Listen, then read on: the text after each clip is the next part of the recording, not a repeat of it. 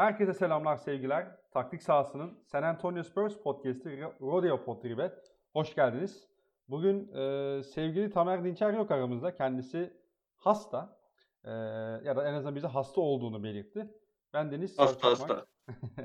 Sesinden Hasta. de anlaşılıyordu zaten.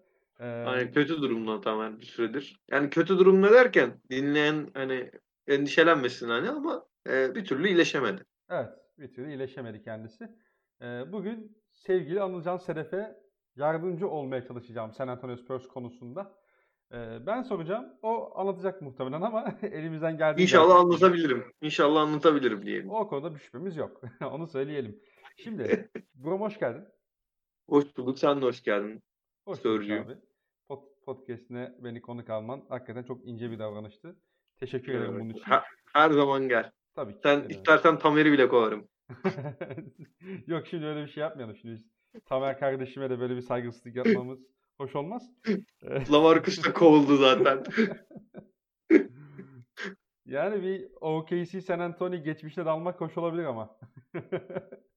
bir, bir özel bölüm yapar. Bir özel bölüm yaparız ya off season'da. Ha? Neden olmasın abi? Dalmaz mıyız şöyle bir geçmişe ya? Bir son 20 yılın Dal, dalarız. röntgeni çekmez miyiz ya? San Antonio'nun. Dalarız, dalarız.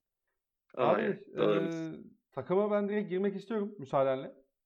Gir abi direkt direkt ortadan dal. Abi direkt ortadan dalıyorum. Şu anda San Antonio eee, 59 maç sonunda 30 galibiyet, 29 mağlubiyetlik derecesiyle Batı'da 9. hı. sırada. Eee, Evet. Son maçta çok kritik bir deplasman galibiyeti aldı. New Orleans Pelicans'a karşı ki play-in turnuvasındaki direkt rakibiydi. Ve aslında hani muhtemelen New Orleans'ın da hani gözüne kestiği rakip özellikle All-Star arasından sonraki fikstürleri de kıyasladığımızda San Antonio Spurs gibi gözüküyordu.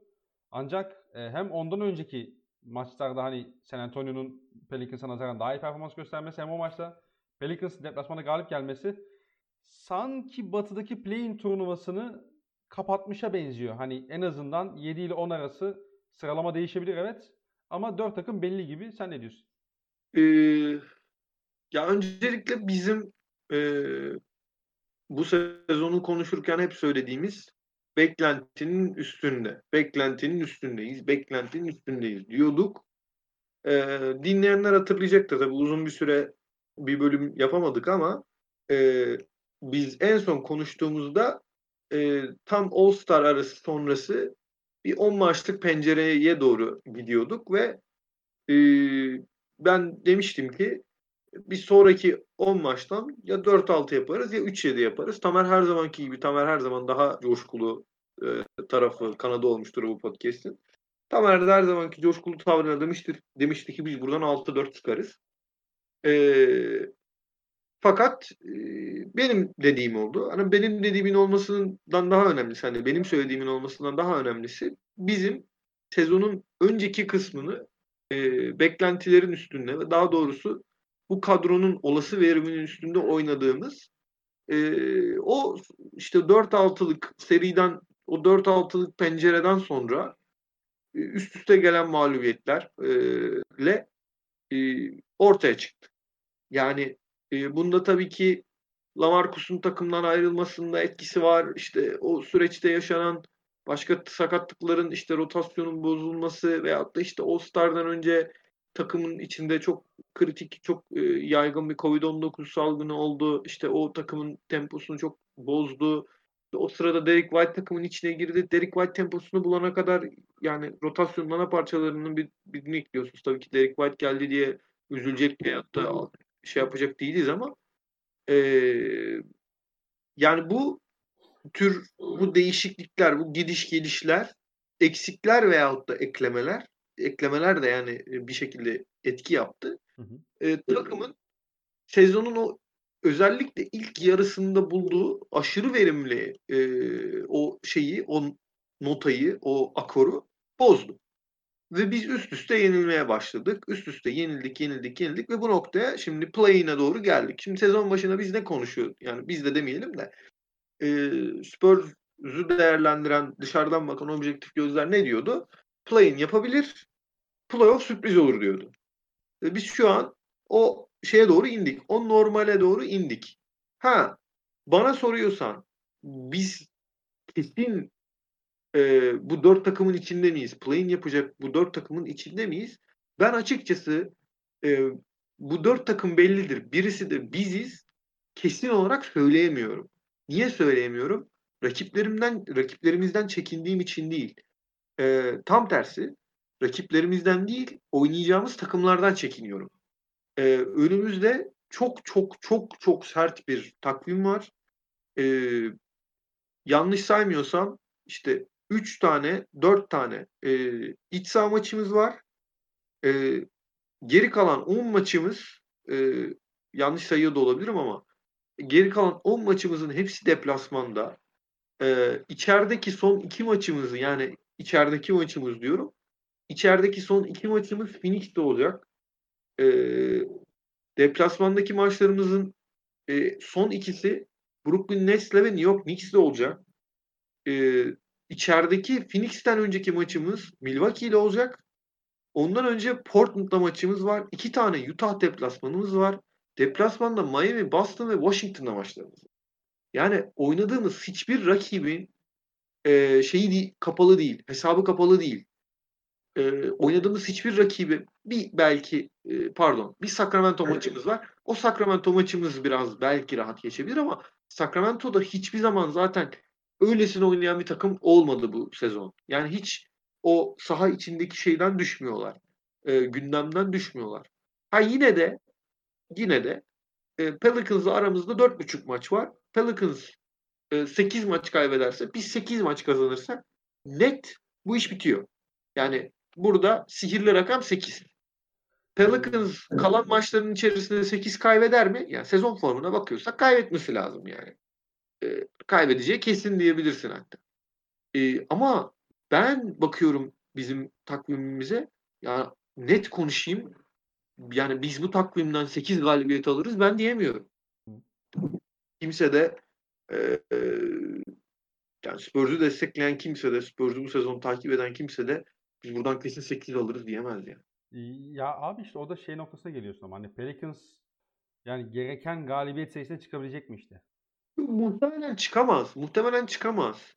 Ama yani, işte burada abi burada artık bizim Pelicans'a geçilip geçilmeyeceğimiz zaten benim pek gündemim değil. Biz play'ine girebiliriz de. Ama play'ine girmek aslında çok bir şey ifade ediyor mu? Onu tartışmamız lazım. Play'ine girmek demek 10. giriyorsan veya 9. giriyorsan e, yani bir maç kaybediyorsun ve sezon bitiyor demek. Ya bir, bir maç daha oynama hakkı elde ediyorsun şu an bizim bulunduğumuz durumda. Ben bunu çok fazla önemseyemiyorum. Bizim takımımızın yani bizim takımın durumunda çok önemseyemiyorum bunu. Bir maç kaybedersin ve bitecek sezon yani. Ve e, o bir maçı da muhtemelen Steph Curry'nin Warriors ile karşı oynayacaksın. Yani çok umutlanamıyorum açıkçası. Yani hiç şey yapmaya gerek yok yani. Burada hani e, yalancı umut besliyormuş gibi falan konuşmaya gerek yok yani. Yani evet, San Antonio'nun Portland ve Golden State gibi hani Lillard'la Curry en azından diyelim. Hani diş geçirmesi çok olası gözükmüyor bence de de. Ama o heyecan da önemlidir be abi. Genç oyuncular Önemli tabii ki. Önemli tabii ki önemli ama işte podcast'tan önce de sana söyledim bunu e, Fethi. E, yani şimdi tabii ki heyecanlanmak istiyorsun. Heyecanlan ben de ben de çok heyecanlanmak istiyorum ya. Ben de takımla ilgili çok heyecanlanmak istiyorum.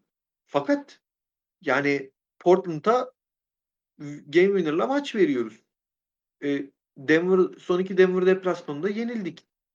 E, Sacramento'ya iki kere içeride oynadık. Sacramento'ya maç verdik. İki kere Clippers'a yenildik. Milwaukee'ye yenildik. Charlotte'a yenildik.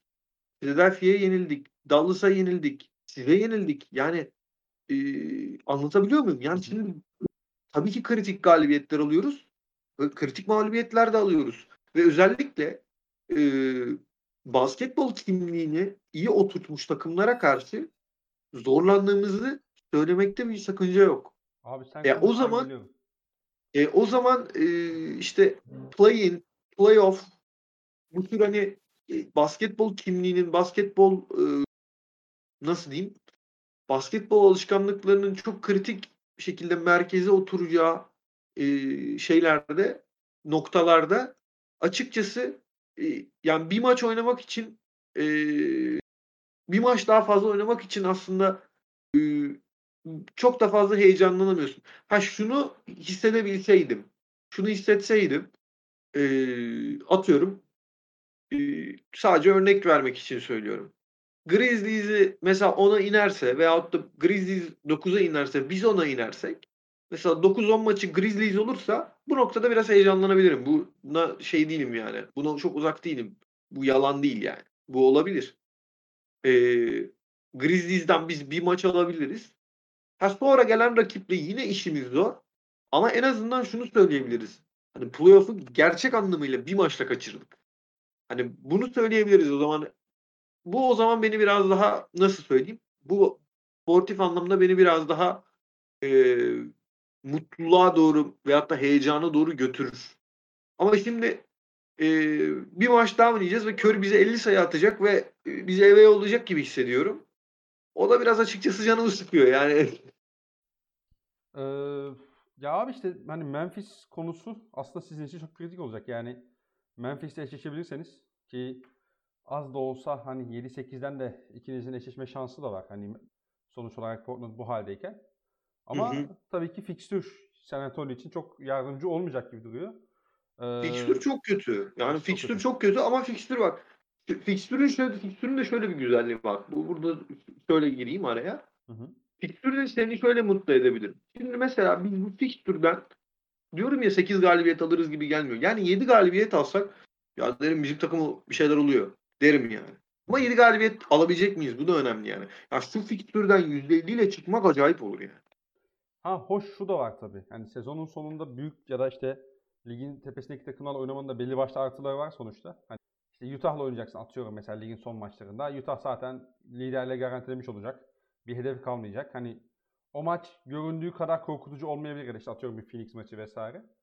Ee, ama evet şu anda fikstüre baktığım zaman özellikle kısa sürede hani Boston'la oynayacaksın özellikle mesela. Onların şu anda hedefsiz maçı pek yok şeyin. Yani San Antonio'nun. O da tabii ki Yok. Enteres zor bir sınav olacak. Bir de sıkışık bir fikstürü var tabii sizin. Yani sezonun ilk yarısında kalan da hani Covid'den kalan maçlar da Tabii var tabii. nihayetinde. Hem Ee, sıkışık fikstürü var hem e, işte o daha demin söylediğim rotasyonun yani durup dururken daralması durumları oluyor. İşte bir oyuncuyu dinlendiriyoruz, öbür oyuncuyu dinlendiriyoruz. İşte Petty çıkıyor, Rudy Gay çıkıyor filan. Veyahut da işte DeRozan'ı dinlendiriyoruz, zaman oluyor. Bunlar bizim için, bizim durumumuzdaki bir takım için çok kritik şeyler. Çünkü bizim hani e, her ne kadar Spurs'lerin çoğu şey diyorlar yani gençleri oynatın, gençleri oynatın, Rudy Gay'i oynatın yani Vassell'i oynat falan diyor. Ya ama o zaman zaten hani biraz Oklahoma'ya doğru inmemiz lazım o zaman. E, ama derecemiz öyle bir derece değil. Niye yapalım ki bunu artık? Ya bir de bu geyik çok yormadım abi ya. Hani San Antonio kısmında siz zaten birkaç yıldır anlatıyorsunuz işte Lonnie Walker özelinde olsun işte atıyorum diğer genç, genç oyuncular üzerinde olsun. Yani play'ine kalan bir takımsın şu anda. Playoff için mücadele ediyorsun. Hı hı. Hani artık burada da şey yapmazsın ya. Hani şu genç oynasın, bu genç oynasın. Demar niye oynuyor, şu niye oynuyor. Abi Artık, orada artık onu geçiyorsun yani. Ki orada e, söyle abi. çok kısa şunu söyleyeyim. Ben Hı. Popovic yani bir de takımın koçu Popovic yani. Hı hı. Şimdi Popovic eğer bir oyuncunun genç oyuncunun işte atıyorum yaşlı oyuncu ne önemli değil. Oynayacak durumda olduğunu görürse zaten oynatır. Evet. Bu kadar basit yani. Ee, Popovic'e güvenmiyorsunuz da kime güveniyorsunuz abi ya? Burada güven veya güvensizlikten öte şimdi biraz güncel konulardan, spordaki güncel konulardan biraz örnek vereyim. Biraz biraz üstatlık, biraz üstatlığımızı biraz konuşturalım burada. Yolla gelsin Ee, abi. şimdi nasıl Avrupa Süper Ligi'ne itiraz etti taraftarlar işte Avrupa'da değil mi? Evet. Niye itiraz ettiler? Dediler ki bu şeyin içerisinde, bu lig fikrinin içerisinde doğal rekabetçilik yok dediler. Yani bu lig kapalı bir lig. Bu ligin içerisinde belli takımların yeri sabit. Bu takımların rekabet etmesi için bir neden yok. Ee, bir rekabet motivasyonu yok. Biz buna karşıyız dedi Avrupa'da taraftarlar. Doğru mu? Evet yani ku- Ee, sundukları argümanlardan biri buydu. evet bir tanesi bu.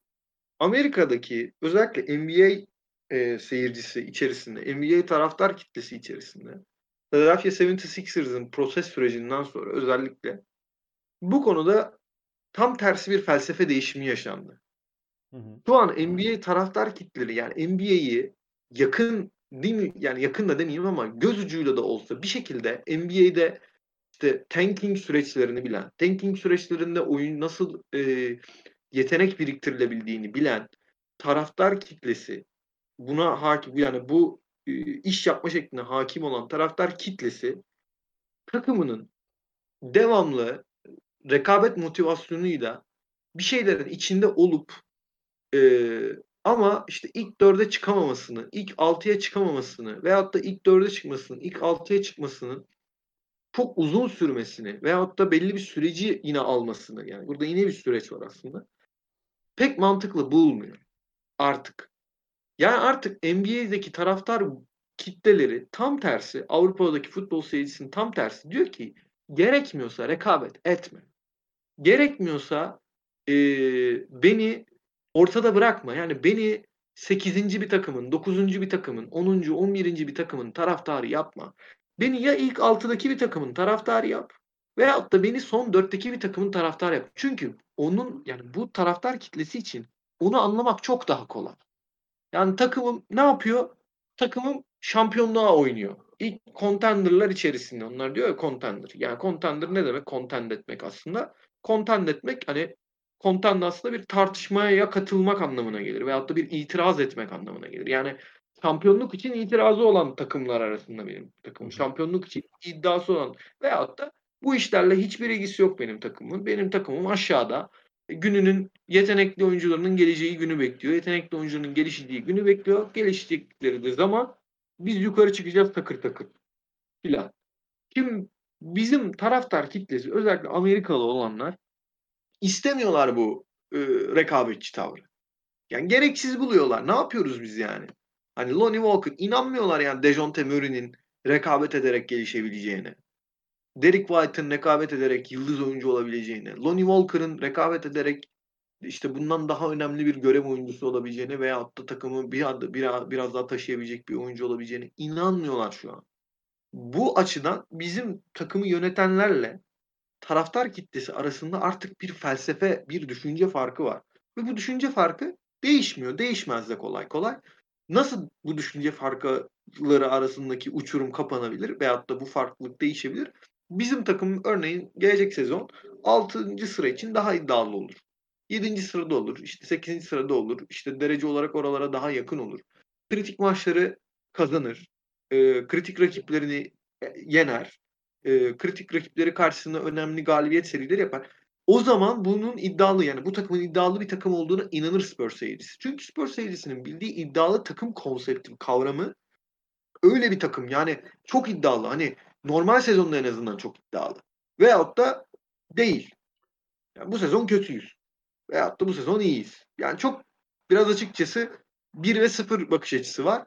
Ama tam tersi biliyorsun e, sen mutlaka biliyorsunuz zaten. Yani bizim front office'in veyahut da Popovic'in veyahut da işte takımın e, sloganı pounding the rock yani kayayı hı hı. kayayı kırmak, kayayı işlemek. Yani biz kayayı bizim takım şu an kayayı kırmaya, kayayı işlemeye çalışıyor. Kayayı paramparça etmeye çalışıyor. O zamana kadar vuracak. Ya mesela sezon başında Dejounte Murray ile ilgili çok büyük memnuniyetsizlik vardı taraftar kitlesinde. Örnek vermek için söylüyorum. Ya bu da ondan kaynaklanıyor. Çünkü inanmıyorlardı bu düşünceye, bu felsefeye. Yani Dejounte Murray e, giderek daha iyi olacak. Düşünmüyorlardı böyle bir şey olacağını. Geçen sezon zaten beğenmediler. Ondan önceki sezon sakat. Bu sezonda bir şey olmayacak diye düşünüyorlardı. Tam olarak oyun kurucu değil, şütör değil. Nedir bu adam? Biz bu adam yani bu adam yıldız değil, atlet değil, bilmem ne değil. Yani anlatabiliyor muyum? Hı hı. Ee, biraz daha net, anlaşılır, biraz daha kesin, e, inandırıcı, onlar için daha ikna edici e, veriler alıyor, ar arıyor Spurs taraftarı kitlesi.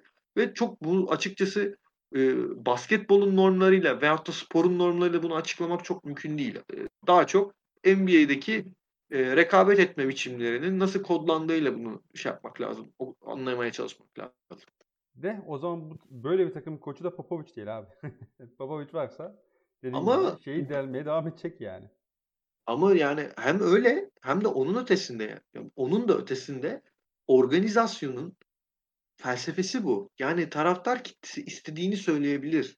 Tabii. Taraftar kitlesi istediğini anlatsın. Yani bu takımın coğrafi olarak sınırları belli. Bu takım öyle yıldızlar gelsin. E, efendim draftta işte ilk 5'te olalım da kesin işte yani böyle bir garanti yok. Ha, keşke ben bu podcast'i yaparken farklı kaydette podcast yaparken Doncic'in tank yapmamız gerekiyor dedim. Yaptık mı? Yapmadık. Ama yapmamız gerekiyordu. Ama yapmadık. Çünkü öyle bakmıyor adamlar ve yani takımı ben yönetmiyorum abi. Yani benim görüşüm böyle olabilir ama takımı ben yönetmiyorum yani. Yani çünkü hiçbir biçimde rekabetçi olmamayı göze alamaz yani Spurs şu an. Niye alamaz? Ya çünkü yani ne, ne, ne izletecek ki sana o zaman yani? Şu an ne, ne izletecek sana? Ve onu geçtim hadi. Abi yani tankingin içinde de bir yarış var. Bir de böyle bir gerçek var. Evet. Ya sen daha iyi biliyorsun bunu. NBA'de sonuncu olmak kolay değil ya. Böyle bir şey olabilir mi? Ya, canın istese sonuncu olamıyorsun abi. İlla senden daha kötü bir takım çıkıyor yani. Hayır. İlla senden daha kötü bir takım çıkıyor. Veyahut da yani Rockets'ın durumunda olduğu gibi ya adamlar boşalttılar bildiğin yani. Bildiğin boşalttı abi adam yani kadroyu. Ne, ne yapacaksın bununla ilgili? Şimdi OKC'de tank yapıyor. Hı hı. Bir dakika. Bir problem oldu da. oldu ee, o şey bilgisayarda bir problem oldu da onu şey yaptım ama. Ee, OKC'de tank yapıyor. Fakat OKC işte Minnesota gibi veyahut da Houston gibi tank yapmıyor. Çünkü Minnesota'nın veya Houston'ın aksine OKC'nin elinde e, bir avuç hurda yok. E ne yapacak OKC? Bir yandan elindeki kıymet verdiği parçaları geliştirmeye devam edecek. Bu oyuncuları, bu oyuncularla iyi bir şeyler yapmaya devam edecek. E bir yandan da maç kaybedecek. Tamam. Ama elinde biraz dahi işe yarar bir şeyler olduğu zaman maç kazanıyorsun işte. Ve o bile senin yani son 3 sırada 4 sırada nerede olduğunu değiştiriyor yani. Bur buraya kadar geldi iş. Aynen öyle. Şimdi şimdi biz yani full out o malum işte Spurs taraftar kitlesinin yaptığı gibi tam tanking yapmak istesek bizim Derek White'i yollamamız lazım abi. Yollamamız lazım yani. Çünkü adam 25 yaşında ve iyi basketbol oyuncusu yani. yani sen tank de yapsan Derek White'la birlikte e, Dejounte ile birlikte Dejounte'yi yollaman lazım mesela. Yani de, çünkü bu oyuncular öyle çok küçük oyuncular değil yani. Ve hani iyi de oyuncular, kötü oyuncular değil. Yani bir şekilde sana maç kazandıracaklar veya bunun için uğraşacaklar. Şimdi sen nasıl diyeceksin bu adama ben 15-20 maç kazanmak istiyorum. Çünkü adama tam tersini anlatıyorsun takıma geldiğinden beri. Tabii ki abi. Yani San Antonio kültürü yani 15 maç 20 maç kazanacak bir takım ya kasten 15-20 maç kazanacak bir kulüp organ şey değil yani. Kültür değil sonuçta. Dolayısıyla e, kültür değil. Elindeki oyuncular buna göre değil falan filan. Abi San Antonio'nun muhtemelen inandığı noktadan biri de şu. Yani öz, mesela Keldon Johnson'da ben görüyorum bunu. Mesela Keldon Johnson'ı ben Kentucky'de izledim. Hı hı. Yani 15 maçını izlemedim belki. Bir iki maçını izledim ama ya Kentucky'de kolej seviyesinde de bu çocuk inanılmaz hamdı. Yani potansiyeli vardı evet ama çok hamdı. Abi San Antonio onu aldı bir sene tedrisatına bir gezdirdi abi. Şu anda evet, evet. hala problemli. Tabii ki problemleri var. Tabii ki hamlıkları var. Tabii ki yaşla birlikte gelen bazı defoları var. Bunlara bunlar yok değil demiyorum ama abi Keldon Johnson'ın şu anda içinde büründüğü oyuncuyla Kentucky'de oyuncu arasında dağlar kadar fark var yani. Ve bu San Antonio evet. Spurs organizasyonu içerisinde oldu. Yani Keldon Johnson şu anda 29. sıra piki gibi mi oynuyor? Hayır. Ya bugün sen Keldon Johnson'ı pazar öyle bir şey olmayacak ki çok doğru bir bakış açısı olmadığına farkındayım da. Bugün sen Keldon Johnson'ı pazara koysan lotarya seviyesinde pik alırsın. Değil mi? Hani Doğru. 12 işte atıyorum 10-14 arası pik alabilirsin yani. Çünkü gösteriyor o potansiyeli sana. İşte Dejante Murray belli noktalarda gelişti. İşte Derek White evet sakatlıklar yaşadı vesaire ama şu anda ki istemeyecek NBA takım yok bence Derek White'ı. Kesinlikle rotasyonunda 8-10 kişilik rotasyonunda muhakkak olsun isteyeceğim bir oyuncu. Ee, yani evet 15-20 maç tamam kazan ama bu kendi değerlerine de saygısızlık değil mi işte? Kendi seçtiğin oyunculara bir anda saygısızlık yani en nihayetinde. Onları da geliştirmek de ayrı bir kazançtır. Yani San Antonio muhtemelen bir tane piyangoya bakacak şey draftta. O düşerse eline zaten ondan sonrası şey yani. Gerisi teferruat yani San Antonio gibi organizasyon için ki vak- vakti zamanında bunu çokça yaptı. Ya benim bu e, düşünce biçimine hak verdiğim tek nokta şu. Artık e, NBA draftında oyuncu izleme, değerlendirme, oyuncu analizi, oyuncu potansiyelinin e, değerlendirilmesi konusunda çok müthiş bir konsantrasyon var. İlk 14 sıradaki takım e, bu konuda hata yapmamak için e, çok fazla veriden yararlanıyor veyahut da çok fazla e, metot kullanıyor. Bir şekilde kendi rakiplerinin e, şeyini kullanıyor gerekirse, bilgilerini kullanıyor vesaire vesaire. Yani bununla ilgili çok fazla yolu var ve dolayısıyla siz e, ortada kaldığınız zaman, ortalarda, orta sıralarda kaldığınız zaman veyahut da alt sıralarda kaldığınız zaman eskisi kadar çok düşenleri toplayamıyor. Bir kere çok fazla bir şey düşmüyor. Bu bir. İkincisi düşenler de e, riskleri alın, alınlarında yazan oyuncular oluyor. Şimdi bizim front office'in şöyle bir huyu var ne yazık ki. E, hem e, yüksek potansiyelli oyuncu bulmaya çalışıyorlar. Hem üst sıralarda değiliz draftta. Hem de e, istiyorlar ki çok fazla risk de ihtiva etmesin. Neden çok fazla risk ihtiva etmesini istiyorlar? Nasıl ki draft takas draft hakkı takaslamıyorlarsa yani draft hakkı takaslamadıkları için bizim e, yani çok geleneksel yönet, yönetiliyoruz bu anlamda. Yani draft hakkı takaslamayan bir takımın veyahut da oyuncu da takaslamayan bir takımın draft hakkının stoku yapması gibi bir durum yok. Yani e, Spurs'un elinde normal bir günün normal bir yönetim yönetim e, biçiminin içerisinde şu an çok fazla draft hakkı yok. Yani çok fazla boş da atamazsın. Yani senin seçtiğin oyuncu bir şey olacak. Yani bir şey olmalı. Yeter ki bir şey olsun. Yani hani bir şekilde takıma faydası olan bir hale getirebil de ondan sonrası okey. Ha bu adamın işte çok mühim sakatlık problemi var. Bu adamın işte çok mühim saha dışı problemi var. Veyahut da işte ama işte çok yetenekli. Tavanı çok yüksek. Spurs hiç oralara bakmıyor bile. Bakmıyor bile oralara. Niye? Çünkü zaten takas etmiyor hakkını. Zaten oyuncularını takas etmiyor e, draft hakkı karşılığında. Ve bir hakkı var bir turda. Ve o turda mutlaka kendisine belli bir e, katkıyı, belli bir takvim içerisinde getirebileceğine inandı. Güvenilir pikleri almaya çalışıyor. Ha, eskiden ne oluyordu? Ee, örnek vermek için söylüyorum sadece. Nuggets yok hiç seçmiyordu mesela eskiden. Yani bu bu kadar net. Veyahut da Detroit Pistons Killian Hayes'i seçmiyordu eskiden yani. O zaman e, sıralamadaki bir tane kurnaz takıma bakıyordu. E, o yüksek potansiyelli adamı alıp, oyuncuyu alıp e, bir bundan bir şey çıkar mı diye bir bakmak. Ve hani senin söylediğin gibi bir şey çıktığı zaman da o zaman sen piyangoyu kazanmış oluyorsun. Ama işte artık piyangoyu kazanmak da zor eskisine göre. Artık piyango oynamak eskisinden çok daha riskli hale geldi. Ve bununla birlikte piyangoyu kazanmak da eskisinden çok daha zorlu hale geldi.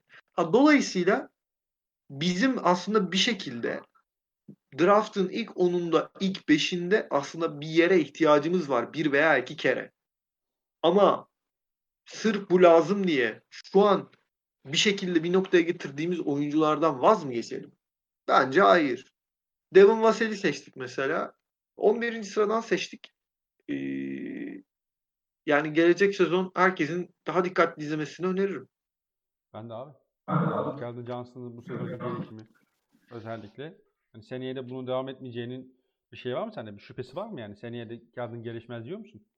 Yani devam etmese dahi diyelim ki gelişmedi. Yani gelişmedi dediğim hani şey hani biraz daha yukarı çıkmadı. Ya olgunlaşsa dahi yani şu an yaptığı şeyleri biraz daha iyi yapsa dahi hiçbir şey eklemese hani 2 iken 3 olmasa dahi hı hı. o 2'yi daha verimli yapsa adam yani yine ya olmaması gereken tırnak içinde söylüyorum. Olmaması gereken bir oyuncuya dönüşmüş olacak yine Keldon Johnson. Ve bu, bu kadar 29, basit. Ve bu senin 29'dan seçtiğin oyuncu abi. Draft'ın yani, yani birinci turunun son sırasının yani sondan bir iki önceki sırasına seçtiğin oyuncu en nihayet. Yani ya bizim için benim için bir şey ifade etmiyor. Biz Derek'i de ilk turun sol sırasında. Sol sıralarından seçtik. Dejounte'yi de ilk turun sol sıralarından seçtik. Yani Yok yok şey Beni mesela şaşırtan, beni çok affedersin, beni şaşırtan Şamaniç mesela. Şamaniç. Bir şey alamadık daha. Bir şey bir, bir, bir şey göremedik yani gelişimde göremedik, katkı da göremedik Şamaniç'ten. Tam olmuyor, olmadı daha yani. Benim mesela draft seçimlerimizin içinde şu, şu an hani bakıp da şaşırdığım o yani. Yoksa bizim 28-29'dan oyuncu çekip de eee işlevli hale getirmemiz haber niteliği taşımıyor. Net konuşayım yani. Ya işte San Antonio organizasyonu ona güveniyor aslında. Ben E, tab- bunları alırım ve ben bunları geliştiririm. Yani Yani artık burada şey şey mi dersin organizasyonun kendi içerisindeki yapısının başarısı mı dersin yoksa doğru karakterde oyuncuları seçip onların hani e, gelişim kat edebileceğine inandıkları için mi oyuncuları seçiyorlar vesaire o ayrı bir konu ama e, hepsi sonuçta birlikte. hepsi ben birlikte muhtemelen. varsayımlardan veyahut da spekülasyonlardan öte birkaç bölüm önce galiba bir iki bölüm önce burada da bahsetmiştim. Calvin yerel bir podcast'te konuştu bu konuyla ilgili. Eee, sezon başlamadan evvel. Hani orada sordular nasıl oldu yani nasıl kat ettin bu gelişimi diye. Ya adam direkt şey dedi. Yani bir kere dedi G League takımıyla dedi Spurs arasında dedi yani Austin Toros'la San Antonio Spurs arasında dedi bir boşluk yok dedi yani. Orada e, Spurs takımında ne e, sizden bekleniyorsa Toros takımından da sizden bu bekleniyor ve e, Toros takımında siz Spurs'u bir oyuncu gibi e, o üst kademe NBA kademesindeki takımıma gelmek için size yapılması gerekenleri NBA kademesinde anlatıyorlar. G League kademesinde sizle özel olarak ilgileniyorlar. Bireysel olarak ilgileniyorlar ve gelişiminizi takip etmek için ve değerlendirmek için veyahut da işte e, gelişiminize göre şey yapmak için e, e, bunu sürdürüyorlar dedi. Ve hani siz dedi Toros'dan Spurs'a geçtiğiniz zaman yeni bir yere gitmiş olmuyorsunuz diyor, de- dedi, diyor çocuk yani. Diyor adam. E, böyle bir e, böyle istikrarlı böyle mantıklı bir çerçeve içerisinde gelişim takımınla e, NBA takımının as takımın arasında bir bağlantı kurduğun zaman e, gelişim takımındaki oyuncular gerçekten gelişiyorlar gerçekten işle hani orası için fazla hale geliyorlar. Şimdi mesela ben Şamanic seçti beni diyorum daha bir şey alamadık diyorum. Şamanic'i de G League takımında oynatamıyorsun. Fazla geliyor adam G League'e yani. Deli gibi sayı atıyor G League'de yani. Peki abi başka konuşmak istediğin genç oyuncu var mı? Şu öne çıkarmak istediğin. Şu an e, dikkat çekmek istediğim genç oyuncu e, G League'de mi? G League takımında mı? Ha, yok genel yani San Antonio yapısı altında yani şu çocuğa dikkat edelim. Şu çocuğun gelişimi beni olumlu ya da olumsuz yönde etkiledi ya da hayal kırıklığına uğrattı diyebileceğin kimler var? Mesela Lonnie Walker'ın gelişimiyle alakalı ne düşünüyorsun? Lonnie Walker bir şutör olarak kıymeti olduğunu aslında ıı, icraatlarıyla değil. Yani bu biraz da tabii ki komik ama e, ya örneğin direkt sana şöyle sorayım. Ya örneğin takımında bir şutörüm var. E, abi yani OKC'de bir şutörüm var. E, o şutörün yok. Ne eksilmiş olur takımdan? OKC'de şutörüm var artık yok. Şutörüm eksik, eksilmiş olur. Spacing'in problemi girmiş olur. Spacing'in problemli olur değil mi? Tabii ki. E, spacing'in problemli olur. Bir de takımın e, nasıl söyleyeyim? Hatta E, bu adam atma cesaret. Pardon Ha. abi. Bu adam hani topsuz hareket üzerinden de oynayabiliyorsa bu benim Aynen set, öyle. set tempoma da negatif anlamda etki yapar. Aynen öyle. Ya Loni çıktı bizim takımdan sakatlık nedeniyle. Bizim set tempomuz düştü. Set tempomuzun düşüşüyle birlikte bizim boş üçlük bulma sıklığımız çok düştü. Neredeyse sıfıra yani bizim hiç boş üçlük atmadığımız maçlar var. Hiç yani. Loni yokken. Sıfır. Yani istatistiğe göre sıfır yani. Ha oyun kurucu mu bu çocuk? Hayır değil. Ya, o, tabii ki oyunun içinde de doğru karar verip işte pası to- topu doğru yere attı falan filan. Evet var. Oyun kurucu mu? Değil. Knockdown hani her tuttuğunu atan falan şutör mü? Hayır. Değil. Ama ne? Çok iyi bir e, topsuz alan oyuncusu. Çok iyi bir e, çok yüksek bir dinamizmi var. Bu sadece hani şey gibi değil hani e, Türkiye'de var ya bazı oyuncular şimdi isim vermeyeyim. Ya da vereyim mi ister misin? Fark etmez abi. Ya mesela Galatasaray'ın kaptanı var abi. Hı hı. Galatasaray basketbol takımının kaptanı. Çok dinamik bir oyuncu kendisi. Çok çok dinamik. Ama yani hani ne yani dinamik? E, ya, bir şey bir şey eklemiyor yani takımın oyununa. O dinamizm genellikle. Çok nadiren ekliyor yani. Ama Lonnie'nin o dinamizmi gerçekten bizim takımın tek işleyişine çok şey, ya önemli bir şey ekliyormuş. Biz hani ben kendi adıma konuşayım. Ben e, hani bunu çok şey yapamamışım, fark edememişim. Adam çıktı ve bizim set tempomuz düşüşe geçti, düştü. Topsuz oyun hareketliliğimiz düştü. Bulduğumuz şutları kalitesi aşağı indi. Ve bu kadar çok ortalama yani hiç ortalama üstü direkt net yine net hiç ortalama üstü şutör olmayan bir takımda e, veyahut da ortalama üstü şutörleri hiç e, önemli süre almayan bir takımda önemli süreler alamayan henüz bir takımda e, bu çok kritik bir şey yani. Abi bir bu- anda bütün oyun durağanlaşıyor. Bunun geri dönüşü şöyle bir durumda oluyor en nihayetinde. Sen dışarıdan net şut bulamadığında ya da işte alanı açamadığında, set temposunu da yukarı çıkartamadığında zor şutlara kalıyorsun. Zor şutlar da rakipler için uzun rebound anlamına geliyor. Ve bu da rakibin yine geçiş yakalaması anlamına geliyor. Aynen öyle. Ve bizim NBA'de geçişte iyi savunma yapan uzunumuz da yok. Abi NBA'de kimseye geçiş veremezsin artık. Hiç kimseye Efendim? veremezsin. NBA'de artık kimseye geçiş ha- hakkı veremezsin. Geçiş şansı veremezsin abi. Doğru söylüyorsun. Kings'i de Kings'in abi Sacramento Kings'in elinde Ja Morant şey var. E, De'Aaron Fox var. Memphis'in elinde Ja Morant var. İşte Minnesota'nın elinde işte An- Anthony Edwards var. Yani bunlar beğen beğenme ama hani topu alan aldı mı pa- iki saniyede rakip potaya biten adamlar yani. Ya Kimseye veremiyorsun Doğru. artık geçiş şansı. Böyle. hem vermemen gerekiyor. Kimseye veremezsin. Hele de senin uzunun Jakob Pötülse, senin uzunun Drew Eubanks'e yani, yani dead sentence yani. Dead sentence. Yani sen çok geçiş verdiğin zaman ya bu oyunculardan bir şey yapmalarını beklemen o şey içerisinde, o durum içerisinde yani adama yazık. Yani sen haksızlık ediyorsun, edersin yani oyuncuna eğer bekliyorsan. Ki zaten eee, yani bütün defolarımız ne yazık ki ortaya çıkıyor öyle durumlarda. Hı hı. Ama tabii ki doğru götürdüğümüz zaman oyunu, momentumu doğru ayarladığımız zaman eee, bayağı tehlikeli bir takıma dönüşüyoruz. Örneğin Phoenix'e 85 sayı attırıyoruz abi. Yani Evet, onu nasıl becerdiniz ben onu merak ediyorum. E işte yani şimdi bizde şimdi, şimdi biz de boş değiliz yani. Sor kardeşim biz de öyle boş takım değiliz yani. Ama zaten can sıkıcı olan o şu an bizim takımla ilgili. Yani mesela bizim taraftar kitlesini en çok yoran şeylerden bir tanesi bu şu an. Çünkü bir akşam Phoenix'e 85 attırıyorsun.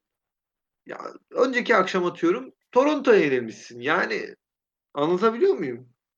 İşte bu hem kadro içerisindeki şeyden kaynaklanıyor. Kadro içerisinde hala e, oyun kalitesi olarak, oyun kalitesini belli bir seviyede istikrarlı olarak belli bir noktada tutacak oyuncu olarak boşluklar, sıkıntılar var.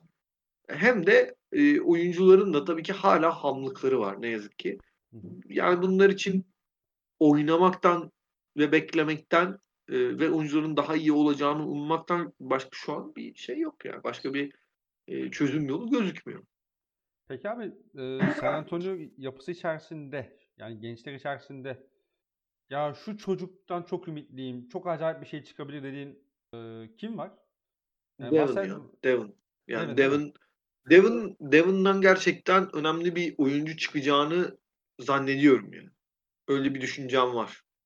Bu sene fazla Ama tabii ki- ne ne seni etkiledi bu şey bakımından? Efendim? Bu sene fazla da oynamadı aslında Devin Vassell. E, ne etkiledi seni bu noktada? Abi oynadığı zaman e, oynadığı ve net e, dakika bulduğu maçlarda çok etkileyici çıkışları var Devon'un. E, ya örneğin o Phoenix Suns maçında e, işte 18 sayısı var. 18 sayısıyla beraber işte e, yanlış hatırlamıyorsam 4 üçlük soktu.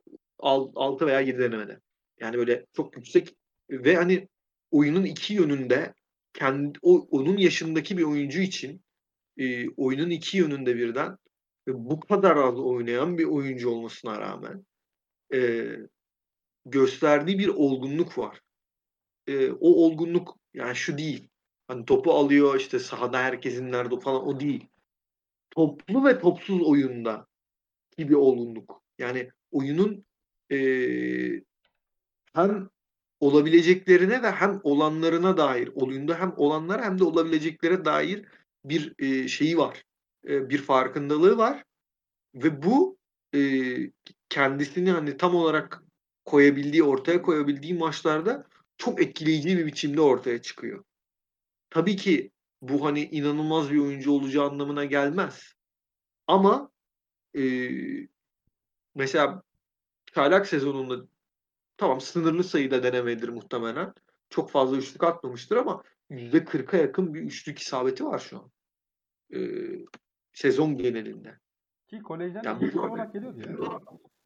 Ama tamam ama işte yani abi kolejden iyi, iyi şutör olarak gelip de iyi, iyi şut seçemeyen e, kendisini oyunun o düzenin içinde bulamayan e, veyahut da işte şutör olarak katkı verip savunma olarak katkı veremeyen bizim Lonnie mesela sezonun e, kariyerinin ilk döneminde e, çaylaklığında ilk en çok yaşadığımız pro, yani problemdi mesela biz Lonnie'yi sahada tutamıyorduk o yüzden.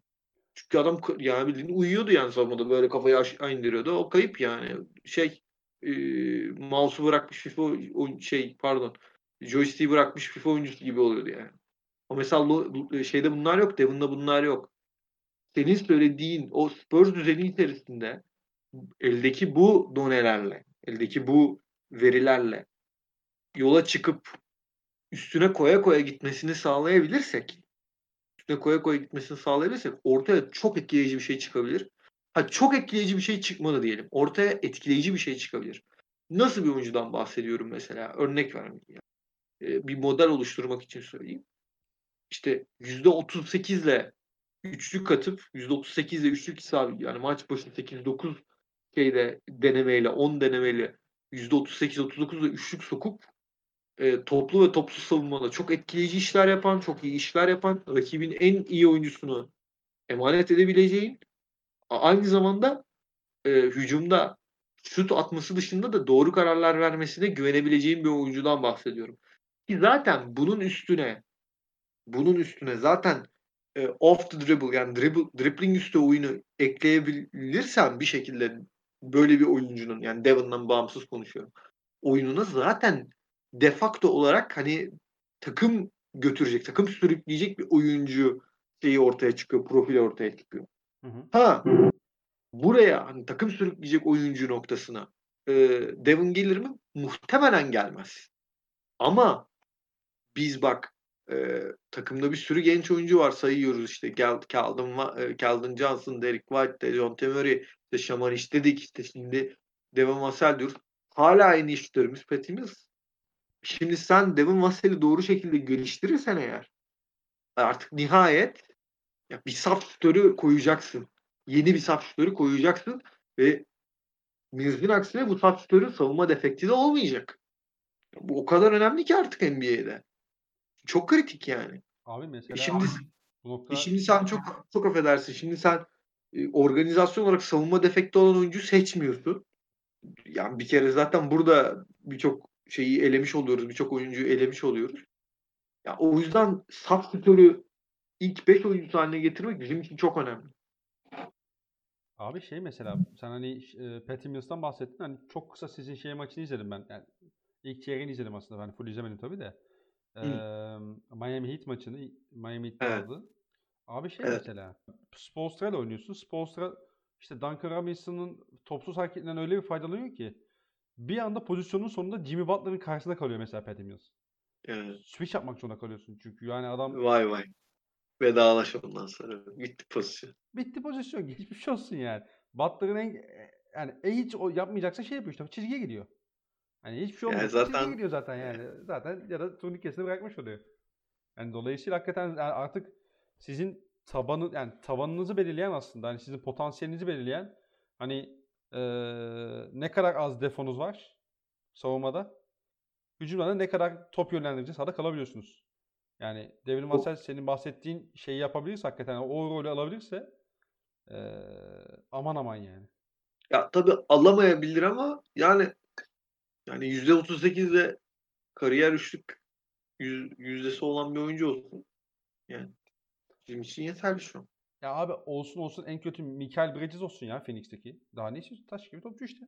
Mikal Bridges tabii. Şimdi bir Mikal Bridges'imiz olsa fena mı olurdu be Fethi? Abi işte Ah be. yani, yani şey işte Devin Vassell, Mikel Bridges, Kawhi Leonard arası bir topçu işte. Devin Vassell de öyle bir topçu. Yani Ya yok ben Devin Vassell'i çok şey yapıyorum. Hani kolejde çok fazla izlememiştim. Ee, hangi takımıydı bu ya? Şeyle Patrick Williams'le beraber. Hmm, Florida'ydı galiba. Florida State değil mi? Florida State olması Evet. lazım. Hani çok fazla izlemedim ama hani Florida izlediğim böyle takımda istediğim yani e, iş yaptığımda da bu çocuğa hakikaten yükselmiştim bayağı ben. Hani San Antonio yapısı altında yapamadıklarını geliştirir, yaptıklarını keskinleştirebilirse ki bu çok aslında San Antonio yapısında güven işte o yüzden güveniyorsun ya bir de. Hani Devin bak bir de şunu da- diyorsun. Bak şimdi San Antonio yapısı dedin de. Şimdi şeyi de unutmayalım. Bu 20 yaşındaki arkadaş hala bizim cilik takımını görmedi. Biz böyle al- alışık değiliz yani böyle şeyler açıkçası. Yani bir usulen bir yollarlardı. Şaşırdık. Hala şaşkınız. Ama cilik takımını hak eden bir durum yok zaten. Yani cilik takımına gitmesini gerektiren bir durum yok yani ortada. Zaten yok da.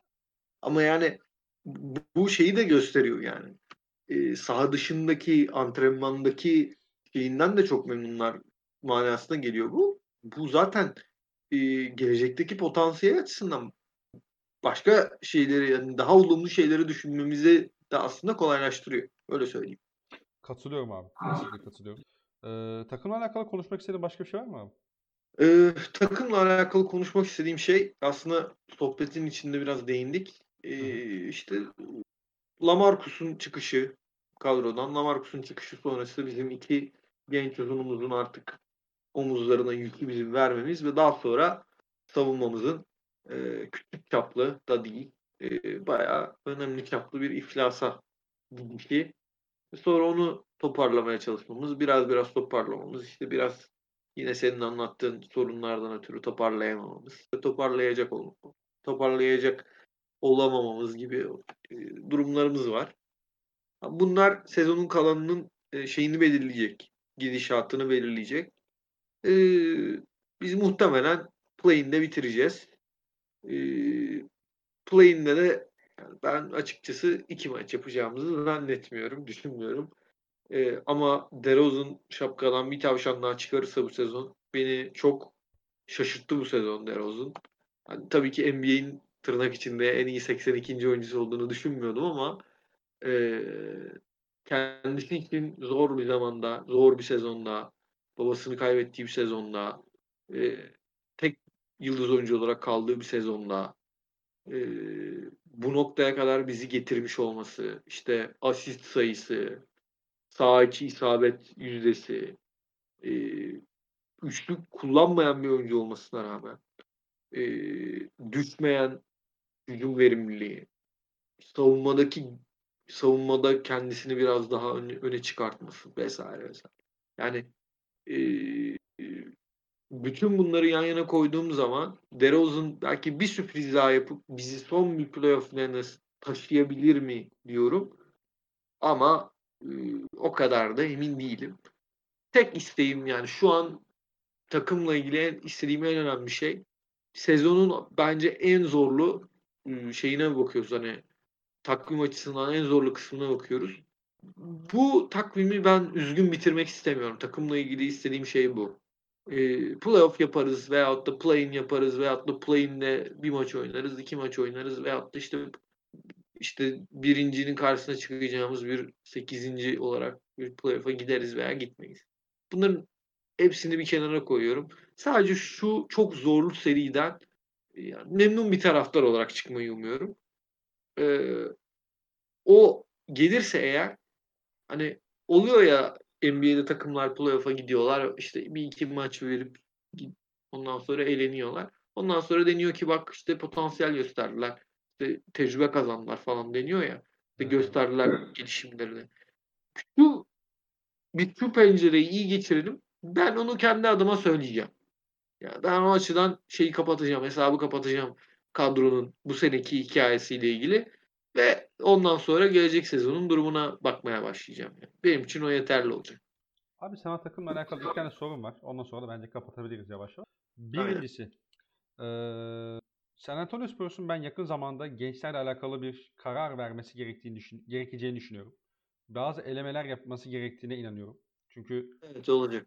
bir- yani 1, 2, 3 numara pozisyonunda hakikaten bir yığılma var.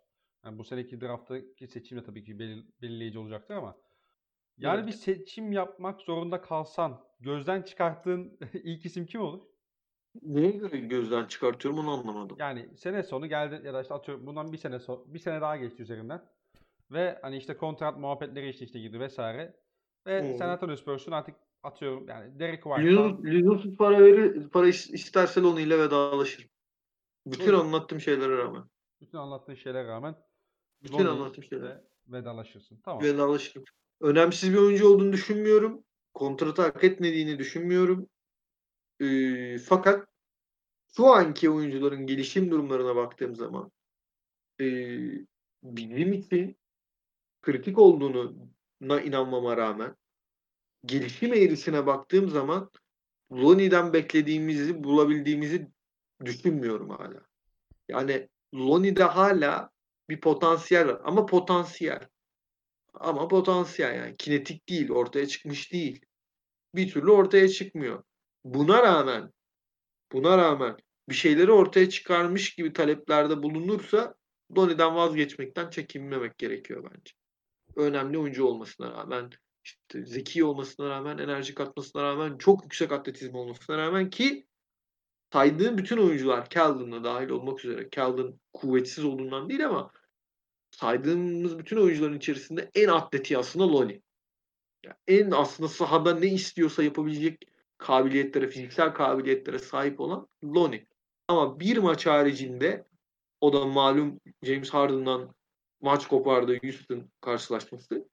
Bir maç haricinde hiç o şeyi göremedik. Yani o atletizmi tam olarak araçsallaştırdığını göremedik. Bu nedenle Lonnie'den vazgeçmekten şu noktada artık çekinir durumda değil. Ha ama bana sorarsan e, maddi olarak da kimseden vazgeçilmesi gerektiğini düşünmüyorum. Çünkü Rudiger ile devam edilmesi gerektiğini düşünmüyorum. Veyahut da Petty ile çok mühim bir kontrat yapılması gerektiğini düşünmüyorum. Petty mesela Tony Parker'da çok para istemişti. Öyle bir durum olursa mesela Petty ile de sen iki tane başka takımla devam et. Git bir şampiyonluk kovala bir yüzük bak kendine denebilir. O zaman da işte uzatabileceğin genç oyuncuyla ma makul şartlarda uzatırsın. Yani, uzatmazsın. Ee, son sonunda abi Demar DeRozan'ı uzatır mısın? E, sende olsa yetki. Güzel bir soru. Uzatır mıyım? Demar DeRozan'ın menajeriyle oturuyorsun abi. Tamam mı? 3 yıl 75-80 arası bir şey. 75-80 3 yıl. az olur. Az olur. 75-80 istemez. Ee, şimdi burada bu konuyu açıyorsak eğer e, NBA piyasasının doğasını birazcık konuşmamız gerekiyor. NBA piyasasının e, maaşlar ve kontratlar konusunda nasıl çalıştığını biraz daha iyi anlamak ve anlatmak gerekiyor. Şimdi NBA'in transfer ve maaş piyasasında, kontrat piyasasında oyunculara tekil olarak değer biçilmiyor. Böyle bir şey yok. Ee, oyuncuların bulundukları pozisyonun e, o ve bulundukları kalitenin yani e, üretim seviyesinin derinliğine göre e, pazarda e, o kontrat pazarında bir şey oluşuyor. E, bir talep oluşuyor. O talebe göre ne kadar arz varsa yani ne kadar oyuncu varsa ne kadar derinlik varsa e, o pazarın içerisinde bu oyuncuların belli bir kontratına göre kıymeti oluyor veyahut da olmuyor. Yani dolayısıyla 30 milyon dolar isteyecek hale gelebiliyorlar. Veyahut da Gordon Hayward mesela 120 milyon dolar alabilecek hale gelebiliyor. Şimdi gelecek sezon, gelecek yaz 2021 yazında Demar DeRozan kalibresinde oyuncu sayısı neredeyse sıfır olduğu için ee, bunun da sebebi böyle bir oyuncu olmadığı için değil. Yani bu oyuncuların onun seviyesindeki oyuncuların takımlarına önceden karar verip 2001-2021 yazında bir karar verme, bir pazarlık yapma şansını e, geri çevirmelerinden kaynaklanıyor. Dolayısıyla Demar DeRozan kendisine para ödeyebilecek birden fazla takımın olduğu bir ortamda tek başına kalacak. Dolayısıyla 20 milyon, 30, 25 milyon filan o Demar'ı kesmez. Demar'ı kesmediği gibi e, diğer takımlar da ona müsaade etmez. Çünkü onların da harcayacak parası olacak. Bizim de harcayacak paramız olacak. Fakat verecek oyuncu olmayacak. Ya bu durumda Demar'a ben para verebilirim. Çünkü kime vereceğiz yani? Ya, olay biraz buraya geliyor anladın mı? Ya burada NBA piyasasının doğasını anlamak gerekiyor derken bunu kastediyorum aslında. Diyelim ki o 30 milyon doları Demar'a vermedin. E ne yapacaksın? Ne yapacaksın ya 30 milyon dolarla? E, taraftarın dediği gibi artık iyice yatacaksın abi. Lotarya olacaksın yani. Çünkü Ama işte tam da- tam- Hayır onu söylemek istemiyorum. Diyelim ki maaş bütçen boş. Abi ne yapacaksın? O parayla bir şey yapmanı gerektiriyor. Ya bu salary cap denen nane o parayla bir şey yapmanı gerektiriyor yani. Yani bir şey yapacaksın. Yani şöyle. Diyelim ki 30'u verdin. Belki mesela Lamarcus'ta yaptığın aptallığı ki bu konuda çok büyük bir aptallık yap- yaptı. Yani ben genellikle front office'i bu kadar ağır ele- eleştirmiyorum. Ama gerçekten aptallıktı yani artık.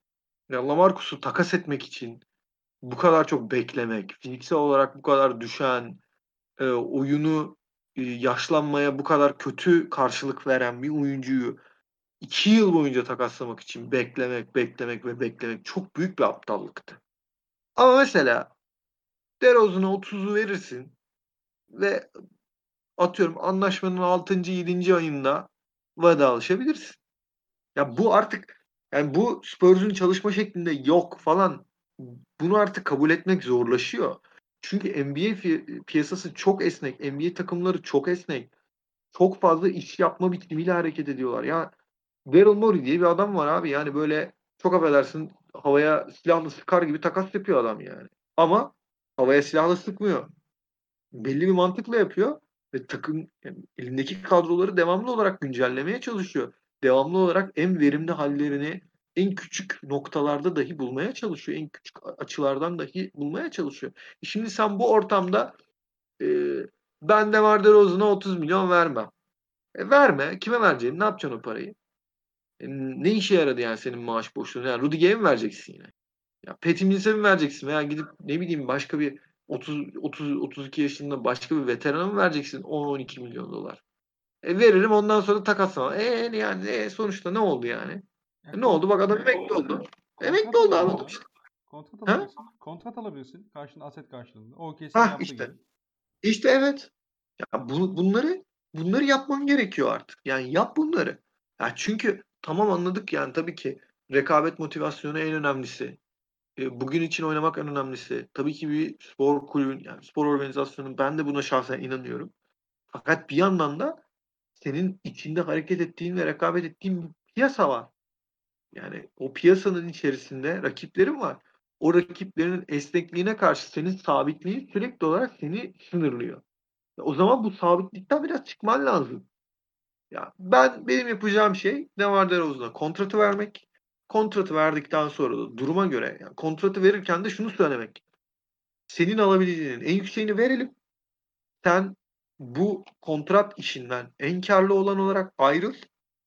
Ama ben organizasyonun planları e, çerçevesinde, organizasyonun takvimi çerçevesinde yakın bir zamanda senin de uygun bulduğun bir yere bu şeyi yollayabilirim. Bu sözleşmeyi yollayabilirim. Ya çünkü şu an DeRozan başka takıma da gitse bizden alabileceği parayı almayacaktır. Biraz daha az, biraz daha şey alacaktır. Hani bu e, daha fazla para verme gücünü araçsallaştır. Bu, bunu, bunu kullan.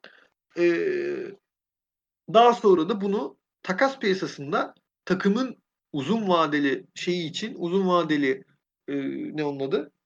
E, uzun vadeli çıkarları ve planları için bir şey olarak kullan, bir değer olarak kullan. Hem de e, bilmiyorum yani belki de bizim front office'te bir yandan şey diye düşünüyordur. Ulan şu beşin içerisine bir tane şöyle aslında sağlam bir uzun bulsak savunmada e, hem geçitte hem sette bir bulsak yakalasak o zaman işte biraz daha başka bir noktaya getirebiliriz bu takımı onlar diyorlardır yani. Çünkü bizim front office'in aklı hep şeyde yani kazanmak da hep e, şu an daha iyi olmakta yani. Mutlaka bunu düşünüyorlardır. Belki de yapabilirsin. Ya bu nedenle tutarım. Ama tekrar söylüyorum. Tutarım ama şu an tutarım. Uzun vadeli tutmam de DeRozan'ı. Çünkü gerek yok. Katılıyorum. Abi herhalde Yani. saat aşkın. Güzel böyle tertemiz bir yayın oldu bence. Ee, benim ekleyeceğim bir şey yok. Ağzına sağlık. Eğer senin varsa son bir yayınla alakalı cümlen alayım. Kapatalım. Ee, kapatmadan önce Tamer yok ama e, bir e, klasiği gerçekleştirelim. Sen de tak bir maç ve Spurs evet, oynayalım sonraki Spurs. 10 maç için. Dur. Karşılıklı derecelerimizi söyleyelim. Benim de aklımda Sonra vardı o. Bakalım. Kapatalım. San Antonio'nun bir sonraki maçı ilk şeyde e, deplasmanda Washington abi. Evet. Galibiyet yazıyorum ben. Abi Washington çok kazandı. Ben de burada takılacağını düşünüyorum. Evet. Bir de Washington gibi takımlara bizim şeyimiz tutuyor. Ee, e, yani ters geliyoruz. Öyle söyleyeyim. Ya Popovic Hoca bir çıkartıyor. Diyor ki bu takımın zaafları bunlar. Beyler şunları yapmadığınız sürece biz bunları Evet. yeneriz. Aynen. onu Bir, yani sonra. böyle bir aşağı bir yukarı takımları genelde yeniyoruz. Aynen. Ben Miami'yi yeniliriz. Miami Ben de mağlubiyet. Miami Boston, sezon sonu modunu açtı. e, Boston deplasmanı ben mağlubiyet yazıyorum. Valla ben de mağlubiyet yazıyorum ama kazanırsak da şaşırmam. Çünkü Boston'da sağ solu belli olmuyor. Yani Tabii. bazen çok şey çıkıyorlar maçlara. Yani böyle hiç Uyanamamış. Allah'ım hiç oynamak istemiyorlar yani. Evet. Nereden nereden bu- geldik bu parkeye de burası da çok yani böyle bir havayla çıkıyorlar. Ya şimdi Dördüncüye kadar da gel efendim. Şey diye çıkıyorlar işte. Ya kim oynayacak şimdi ya dur. Aynen öyle. Yani bir bir şey var o konuda. Bir ilginçlik var ve hani e, dinleyen belki vardır. Boston'ın arkadaşları da tedirgin etmek gibi olmasın ama yani Kyrie gitti, Orford gitti, Hayward gitti, o gitti, bu gitti. O öyle garip, o istikrarsızlık bir türlü gitmedi. Acaba gitmeyenlerden kaynaklı olabilir mi? Hadi buyurun. Acaba olabilir mi yani? Ya çünkü bir türlü değişmiyor abi. Ee, içeride Philadelphia maçı var abi sonra. Yani kariyer karşılaşmalarından, kariyer gecelerinden birini yaşayan Joel Embiid'i şimdiden kutlarım. Müthiş bir performans Joel. İzlemek büyük keyifti. Ben de öyle düşünüyorum. Ondan sonra back to back Utah Jazz maçları var abi. İkisi de Utah'ta. Ben 1-1 geçeceğini düşünüyorum. Aynen. Bizim bizim kulüp kulüp geleneğimiz bu. Yani ama bir şey de söyleyeyim ya Utah eli tutarsa iki maçı da alır Utah, Utah çok tehlikeli bir takım yani. ya Mitchell falan yok ya şu ara. Mesela hani onlar biraz yavaş yavaş şey yapacaktır. Yani aman bir şey e, olmasın da sağ salim geçelim muhabbetine bence girebilirler. O yüzden Ya ben zaten eli tutarsa dediğim onu kastediyorum. Yani Mitchell yok ama hı hı. e, geri kalan oyuncular da denk getirirlerse bir anda böyle 23'lük mi- yani böyle anlatabiliyor muyum? Böyle Evet, bir garip evet, bir şeyleri var. Garip bir patlayıcılıkları var yani. Tabii, O hani bizim biraz zaten NBA yorumcuları otoriteleri de çok benzetiyorlar. Bizim biraz eski top çok top çeviren Spurs takımına biraz benziyor. Yani hiç beklemediğin oyunculardan hiç beklemediğin şekilde bir darbe vurabiliyorlar sana.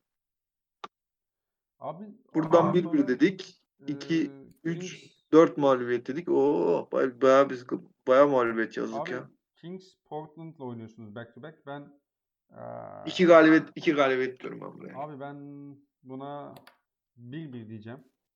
Ben buraya iki galibiyet yazıyorum. Bu bak bu lüzumsuz galibiyetler.